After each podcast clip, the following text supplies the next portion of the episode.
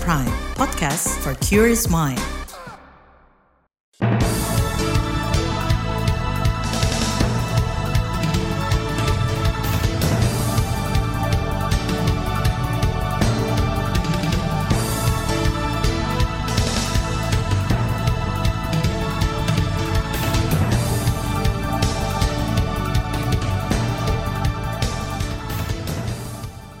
Selamat pagi saudara, senang sekali bisa menjumpai Anda melalui program Buletin Pagi edisi Jumat 28 April 2023. Saya Malika. Sejumlah informasi pilihan telah kami siapkan di antaranya pemerintah antisipasi arus balik susulan 2023. Jokowi minta alokasi subsidi pupuk organik dikembalikan. Pilot Susi Air yang disandera OPM dalam keadaan sehat. Inilah Buletin Pagi selengkapnya. Terbaru di Buletin Pagi. Saudara lebih dari 55 persen kendaraan belum kembali ke ibu kota melalui tol Trans Jawa. Demikian data Kementerian Perhubungan hingga Kamis kemarin. Menteri Perhubungan Budi Karya Sumadi mengimbau masyarakat menghindari melakukan perjalanan balik pada Minggu 30 April 2023 dan Senin 1 Mei 2023 sebab diprediksi akan menjadi puncak arus balik susulan. Walaupun tahu saya tahu tahu bahwa masih ada 55 persen yang belum kembali ke Jakarta tapi nanti angkanya silakan Pak uh, Dirut uh, Jasa Marga untuk menjawab. Menteri Perhubungan Budi Karya Sumadi menambahkan pihaknya terus berupaya menjaga kelancaran perjalanan pemudik baik di jalan tol maupun arteri. Korlantas Polri membenarkan arus balik kendaraan ke wilayah Jakarta dan sekitarnya pasca Lebaran 2023 masih kurang dari 50 persen. Kakor Lantas Polri Firman Santiabudi mengimbau masyarakat tetap waspada berkendara meski arus balik terbilang lancar. Firman mengimbau masyarakat cermat memilih waktu perjalanan terbaik agar tidak bertumpuk di titik puncak arus balik lebaran periode kedua. Tentunya kelancaran yang diharapkan ini juga harus diimbangi dengan uh, tetap waspada, uh, tidak terburu-buru ingin sampai, tapi kami juga sekaligus menghimbau apa yang disampaikan oleh Pak Menteri tadi bahwa masih ada eh, empat hari ke depan, atau lima hari barangkali sampai, sampai tanggal 1, itu masyarakat betul-betul melihat di hari mana sebaiknya tidak bergabung di titik-titik puncak. Itu tadi Kakor Lantas Polri Firman Santiabudi. Merespon prediksi puncak gelombang kedua arus balik pada akhir pekan nanti, PT Jasa Marga bakal memperluas diskon tarif tol.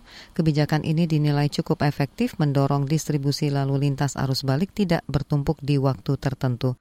Juru bicara Jasa Marga Lisha Oktaviana mengatakan kebijakan potongan harga bakal diperluas pada arus balik Semarang hingga Jakarta gambaran apabila eh, dalam satu menit kalau uh, semua cukup saldonya itu bisa melayani lima kendaraan. Yeah. Tapi apabila ada gangguan itu bisa satu menit atau lebih. Jadi terbayang ya bagaimana ini akan sangat mengganggu optimalisasi kapasitas transaksi yang ada di gerbang tol. Lisha menambahkan pemberlakuan diskon sudah berlangsung sejak Kamis kemarin. Diskon sebesar 20 persen berlaku untuk arus balik dari gerbang tol Kalikangkung hingga Cikampek Utama Jalan Tol Jakarta Cikampek. Ia memastikan diskon tarif menjadi salah satu kebijakan tambahan untuk mengantisipasi kepadatan lalu lintas di jalan tol selain diskresi satu arah one way maupun lawan arah kontraflow. Sementara itu, pengamat transportasi dari Masyarakat Transportasi Indonesia MTI Joko Setiowarno menilai banyaknya masyarakat yang belum kembali ke Jakarta dan sekitarnya bisa berpengaruh pada distribusi perjalanan yang lebih landai dan kondusif. Meski begitu, Joko mengingatkan agar pemudik yang ingin kembali ke ibu kota dan sekitarnya menghindari prediksi puncak arus balik susulan yang diperkirakan terjadi akhir pekan ini. Tentunya kalau mereka belum kembali, berarti rentang waktu balik itu lebih panjang. Lebih panjang dengan dengan sendirinya distribusi perjalanannya juga hampir dapat dikatakan dia bisa lebih merata, lebih landai. Sekarang ini dapat dikatakan sudah berjalan lancar lah, meskipun tentunya rekayasa seperti searah ya, one way itu mesti ada pihak yang uh, dirugikan. Pengamat transportasi dari Masyarakat Transportasi Indonesia MTI Joko Setiowarno menilai skema perjalanan arus balik yang disiapkan pemerintah dan pihak terkait di lapangan sudah berjalan baik untuk mengurangi kemacetan. Ia mendorong kebijakan-kebijakan seperti one way, kontraflow hingga diskon tarif tol terus diberlakukan hingga puncak arus balik susulan terlewati. Saudara surat Presiden atau Surpres RUU Perampasan Aset sudah di meja Presiden. Rencananya pekan depan siap dikirim ke DPR. Informasi selengkapnya hadir usai jeda, tetaplah di Buletin Pagi KBR. You're listening to KBR Pride, podcast for curious mind. Enjoy!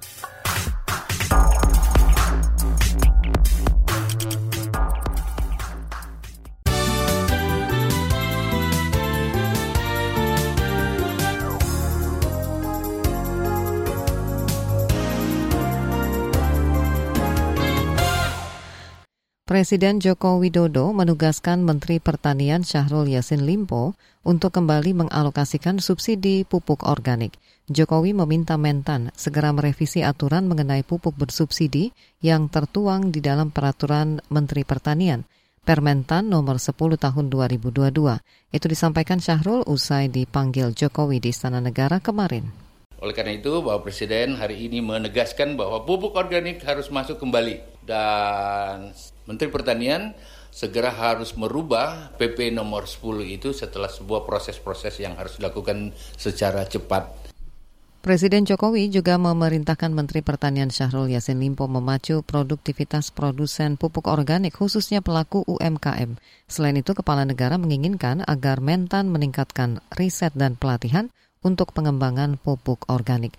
Sebelumnya, pemerintah melalui Permentan nomor 10 tahun 2022 hanya mengalokasikan subsidi untuk pupuk urea dan NPK dari sebelumnya lima jenis pupuk yakni ZA, urea, NPK, SP36, dan pupuk organik petroganik. Kita ke informasi hukum, Menteri Koordinator Bidang Politik Hukum dan Keamanan Menko Polhukam Mahfud MD mengeklaim pekan depan surat Presiden atau Surpres Rancangan Undang-Undang RUU Perampasan Aset segera dikirim ke DPR RI. Ia menyebut surat tersebut sudah sampai di meja Presiden Joko Widodo.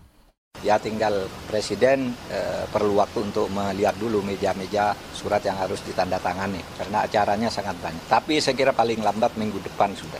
Mudah-mudahan. Menko Polhukam Mahfud MD menambahkan surpres RUU perampasan aset membutuhkan tanda tangan kepala negara sebelum dikirim ke DPR. Mahfud meyakini Jokowi bisa melakukannya dalam waktu dekat. Saudara RUU ini merupakan usulan pemerintah dalam upaya memberantas korupsi. Aturan ini akan menjadi landasan hukum untuk mengamankan aset terkait tindak pidana korupsi. Komisi Nasional Hak Asasi Manusia Komnas HAM meminta pemerintah bekerja dengan cepat mengevakuasi warga negara Indonesia WNI yang menjadi korban tindak pidana perdagangan orang TPPO di Myanmar. Komisioner Komnas HAM Anis Hidayah mengatakan pihaknya menerima laporan terkait WNI yang disekap di Myanmar sejak bulan Desember tahun lalu. Para korban disebut mengalami kekerasan fisik dari majikannya yang di Myanmar memang kondisinya itu cukup mencekam karena itu negara konflik ya. Sehari-hari mereka menginfokan ada uh, apa suara tembakan, uh, lalu mereka bekerja dalam gelap uh, karena listrik harus dimatikan karena itu di perbatasan uh, negara konflik dan mereka sering mengalami kekerasan gitu. Jadi uh, disetrum gitu ya, kemudian dipaksa push up, dipaksa lari, dipaksa uh, jongkok gitu dalam uh, waktu yang tidak manusiawi gitu ya. Komisioner Komnas HAM Anis Hidayah. Anis mendorong Kementerian Luar Negeri segera berkoordinasi dengan kementerian dan lembaga terkait untuk memulangkan WNI yang menjadi korban TPPO. Komnas HAM memastikan akan terus memantau situasi dan kondisi 33 WNI itu di Myanmar. Kita bergeser ke informasi politik. Bekas Ketua Umum Persatuan Sepak Bola Seluruh Indonesia PSSI, Muhammad Iriawan atau yang akrab disapa Iwan Bule, resmi bergabung dengan Partai Gerindra. Ketua Umum Partai Gerindra Prabowo Subianto mengatakan pelantikan Iwan Bule dilakukan untuk mengisi posisi Sandiaga Uno yang hengkang ke P3. Lantik Bapak Muhammad Iriawan sebagai Wakil Ketua Dewan Pembina mengisi lowongan yang ada yaitu ada beberapa lowongan, ada yang meninggal dan ada yang pindah partai. Mungkin saudara paham itu tadi Ketua Umum Partai Gerindra Prabowo Subianto. Sebelumnya Iwan Bule pernah menjabat sebagai Sekretaris Utama Lembaga Ketahanan Nasional. Dia juga sempat menduduki kursi orang nomor satu di PSSI. Selain Iwan Bule, Prabowo juga melantik putra Ahmad Dhani, yakni Al-Ghazali dan Jalaluddin El Rumi sebagai kader partainya. Kita ke informasi ekonomi, Saudara Kementerian Perdagangan resmi menurunkan kewajiban pasok dalam negeri atau Target Domestic Market Obligation DMO untuk program minyak goreng rakyat menjadi 300 ribu ton per bulan. Direktur Jenderal Perdagangan Dalam Negeri Kemendak, Ish Karim, mengatakan kebijakan tersebut akan diterapkan mulai 1 Mei 2023. Jadi uh, ini juga dimasukkan, diharapkan akan menaikkan proporsi perbandingan antara DMO yang curah dengan DMO yang yang kemasan. Karena kemarin sebagaimana kita ketahui bersama beberapa waktu yang lalu eh, sempat terjadi penurunan eh, rasio antara DMO yang curah dengan eh, DMO yang kemasan. Dirjen Perdagangan Dalam Negeri Kemendak Isi Karim menambahkan salah satu pertimbangan diturunkannya target DMO melihat kondisi minyak goreng kemasan maupun premium yang relatif stabil. Sebelumnya pada awal tahun ini Kemendak sempat meningkatkan target DMO untuk program minyak goreng rakyat menjadi 450 ribu ton per bulan.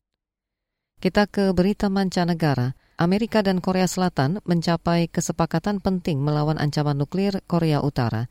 Dikutip dari BBC, Washington telah setuju untuk secara berkala mengerahkan kapal selam bersenjata nuklir Amerika ke Korea Selatan dan melibatkan Seoul dalam operasi perencanaan nuklirnya. Presiden Amerika Joe Biden mengatakan deklarasi Washington akan memperkuat kerjasama sekutu dalam mencegah serangan Korea Utara. Kekhawatiran akan ancaman nuklir Korea Utara meningkat setelah Pyongyang mengembangkan senjata nuklir taktis yang dapat menargetkan Korea Selatan. Korut juga disebut menyempurnakan senjata jarak jauhnya yang dapat mencapai daratan Amerika. Organisasi Kesehatan Dunia WHO menyebut virus penyebab COVID-19 akan tetap ada. Meski begitu, Direktur Jenderal WHO Tedros Adhanom Ghebreyesus mengatakan saat ini negara-negara di dunia sudah mulai bertransisi keluar dari status darurat pandemi COVID-19. Dikutip dari Reuters, pekan depan WHO akan mempublikasikan panduan strategi bagi negara-negara untuk melakukan transisi mengatasi pandemi dari status darurat menjadi manajemen jangka panjang. Ia berharap tahun ini dunia bisa mengakhiri status COVID-19 sebagai darurat kesehatan masyarakat secara global. Dari dunia olahraga, pasangan ganda putra bulu tangkis Indonesia Bagus Maulana Muhammad Sohibul Fikri memastikan satu tiket perempat final kejuaraan bulu tangkis Asia 2023. Bermain di Syekh Rasid bin Hamdan Indoor Hall, Dubai, Uni Emirat Arab, Bagas Fikri meraih satu tiket perempat final setelah mengalahkan ganda putra Tiongkok Liu Yuchen O Suan Yi dengan skor 21-23, 21-17, dan 22-20. Selanjutnya Bagas Fikri akan ditantang oleh ganda putra Jepang Takuro Hoki Yugo Kobayashi di babak perempat final 2023. Hoki Kobayashi lolos ke perempat final setelah menang atas ganda putra Malaysia Man Wei Chong Tae Kaiwun. Di bagian berikutnya kami hadirkan laporan khas KBR tentang ateis di era KUHP baru, dulu rentan, sekarang lebih rentan bagian kedua. Tetaplah di Buletin Pagi KBR. You're listening to KBR Pride, podcast for curious mind. Enjoy!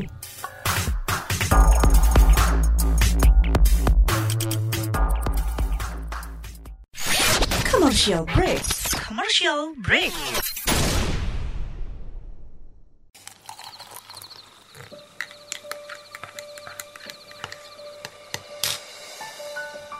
Hai, kamu apa kabar? Masih suka menikmati senja dan kopi? Aku masih ingat kebiasaan kita. Sehabis pulang kerja, selalu mencari tempat untuk sekedar ngobrol dan ngopi. Tapi kadang kita kehabisan bahan obrolan. Aku masih melakukan hal yang sama sampai sekarang tanpa harus takut habis bahan buat ngobrol karena aku selalu mendengarkan KBR sore dari Senin sampai Jumat jam 4 sore. Ah, aku rindu. KBR Inspiratif Terpercaya.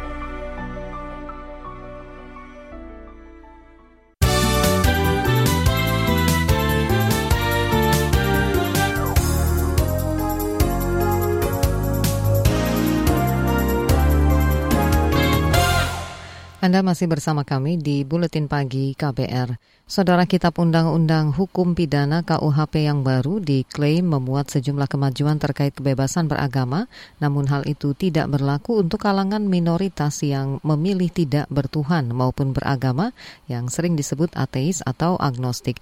Mereka mesti ekstra hati-hati dalam bersikap dan bertindak guna menekan potensi kriminalisasi. Jurnalis KBR Nini Yuniati berbincang dengan seorang ateis dan pegiat isu keberagaman tentang situasi ini. Simak laporan bagian kedua yang dibacakan Fitri Anggreni.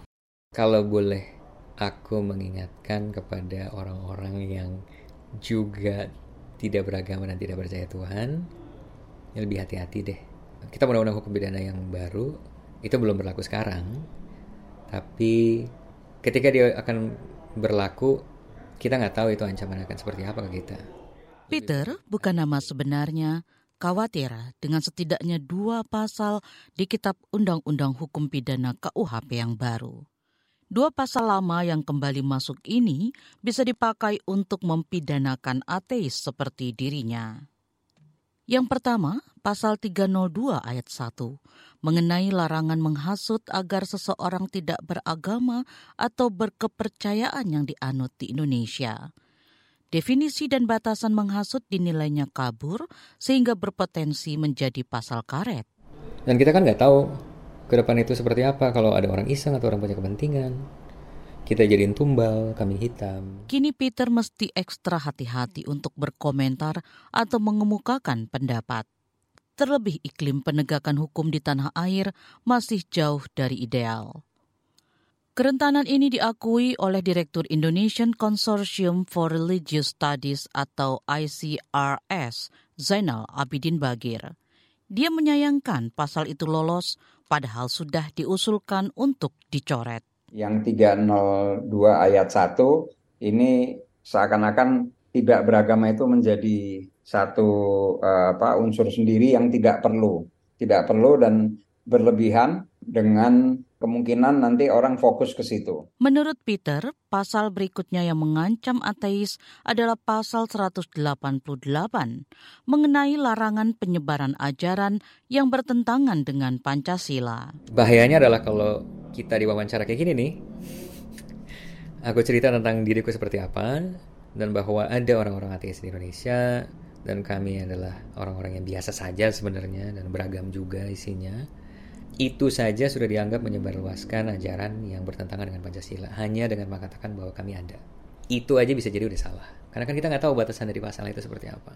Ateis bisa kena getahnya karena sering disamakan dengan penganut komunisme yang dianggap bertentangan dengan Pancasila, terutama sila pertama. Ya aku kenal tuh banyak orang-orang yang ateis tapi kalau kita ngobrol sama mereka, pandangan mereka secara sosial politik dan ekonomi nggak ada komunis-komunisnya sama sekali. Kalau mereka dibilang komunis tersinggung orangnya. Bagir mempersoalkan penolakan terhadap ateis dengan argumen sila pertama Pancasila. Sebab sila ketuhanan yang Maha Esa juga bisa punya banyak penafsiran. Jadi saya tidak setuju juga kalau disebut Pancasila segala macam itu harga mati, enggak. Dia hidup terus, hidup penafsirannya segala macam dan bahkan dengan sila pertama yang seperti itu pun tidak berarti kemudian negara membatasi orang gimana caranya negara ini ngecek pikirannya orang bahwa dia itu punya keyakinan kepada Tuhan yang Maha Esa. Gak bisa juga kan. Pasal tersebut semestinya tidak bisa sewenang-wenang digunakan untuk menjerat ateis maupun kelompok rentan lainnya. Di penjelasannya, sebenarnya disebut juga yang dimaksud dengan paham lain yang bertentangan dengan Pancasila adalah paham ideologi politik yang termanifestasi dalam bentuk gerakan politik menentang Pancasila. Di penjelasan ya. Jadi sudah ada upaya untuk mengecilkan skopnya gitulah. Dosen di sekolah pasca sarjana UGM ini tak menampik pasal-pasal larangan atau pembatasan selalu kontroversial karena multitafsir apalagi di tataran realita.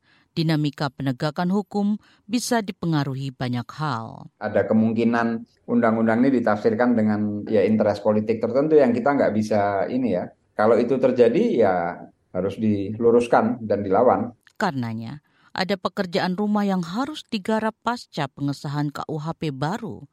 Berbagai upaya advokasi perlu terus dilanjutkan untuk meminimalkan potensi kriminalisasi terhadap kelompok rentan. Misalnya, menyusun aturan turunan sedetail mungkin dan meningkatkan kapasitas penegak hukum. Ya yang bisa dikatakan adalah you are not alone dalam hal terdiskriminasi. Uh, bukan mengatakan dengan de dengan demikian oke okay, sama sekali enggak, tapi maksud saya kita hadapi isu ini bersama-sama. Ya kita mengupayakan kesetaraan secara umum itu terjadi sehingga nggak ada diskriminasi atas dasar apa pun. Demikian Saga KBR. Saya Fitri Anggreni. Sejumlah informasi dari daerah akan hadir usai jeda. Tetaplah bersama kami di Buletin Pagi KBR. You're listening to KBR Pride, podcast for curious mind. Enjoy!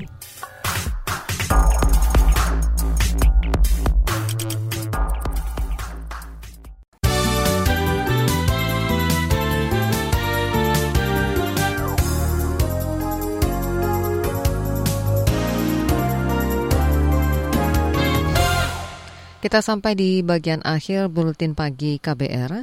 Dari Papua, pilot Susi Air Philip Mark Martin disebut dalam kondisi baik. Pilot asal Selandia Baru itu sudah disandera kelompok bersenjata di Nduga, Papua Pegunungan selama hampir tiga bulan.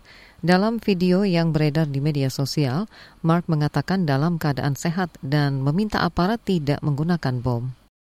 Saya masih hidup, masih uh, sehat, saya makan yang baik, minum yang baik. Uh, saya tinggal bersama orang di sini. Uh, kita duduk bersama, uh, jalan bersama, istirahat bersama. Tidak ada masalah dengan saya.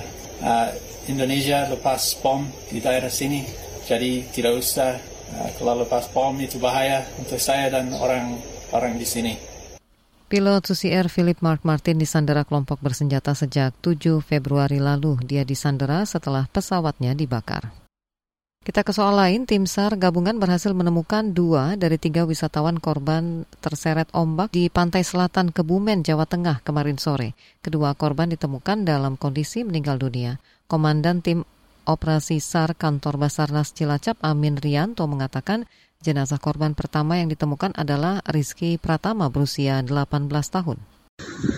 Dan pada pukul 16.30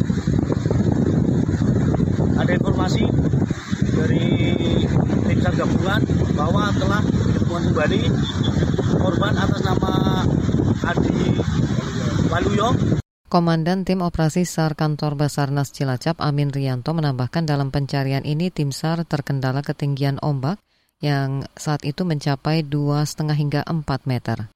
Kita ke Cirebon, Jawa Barat. Saudara harga tiket penumpang di Terminal Tipe A Harjamukti Cirebon, Jawa Barat pada arus balik lebaran melonjak hampir separuh dari hari biasa.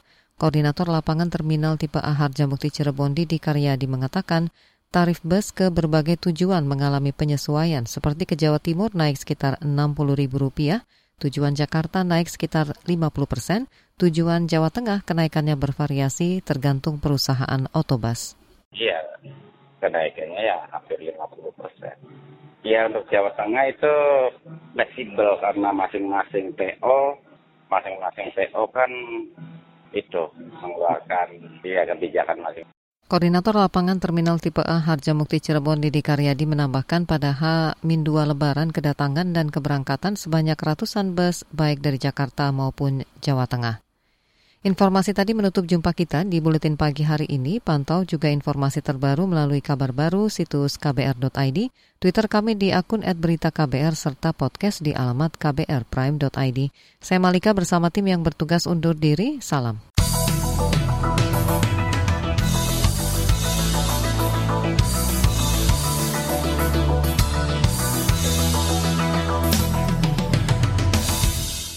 KBR Prime, cara asik mendengar berita. KBR Prime, podcast for curious mind.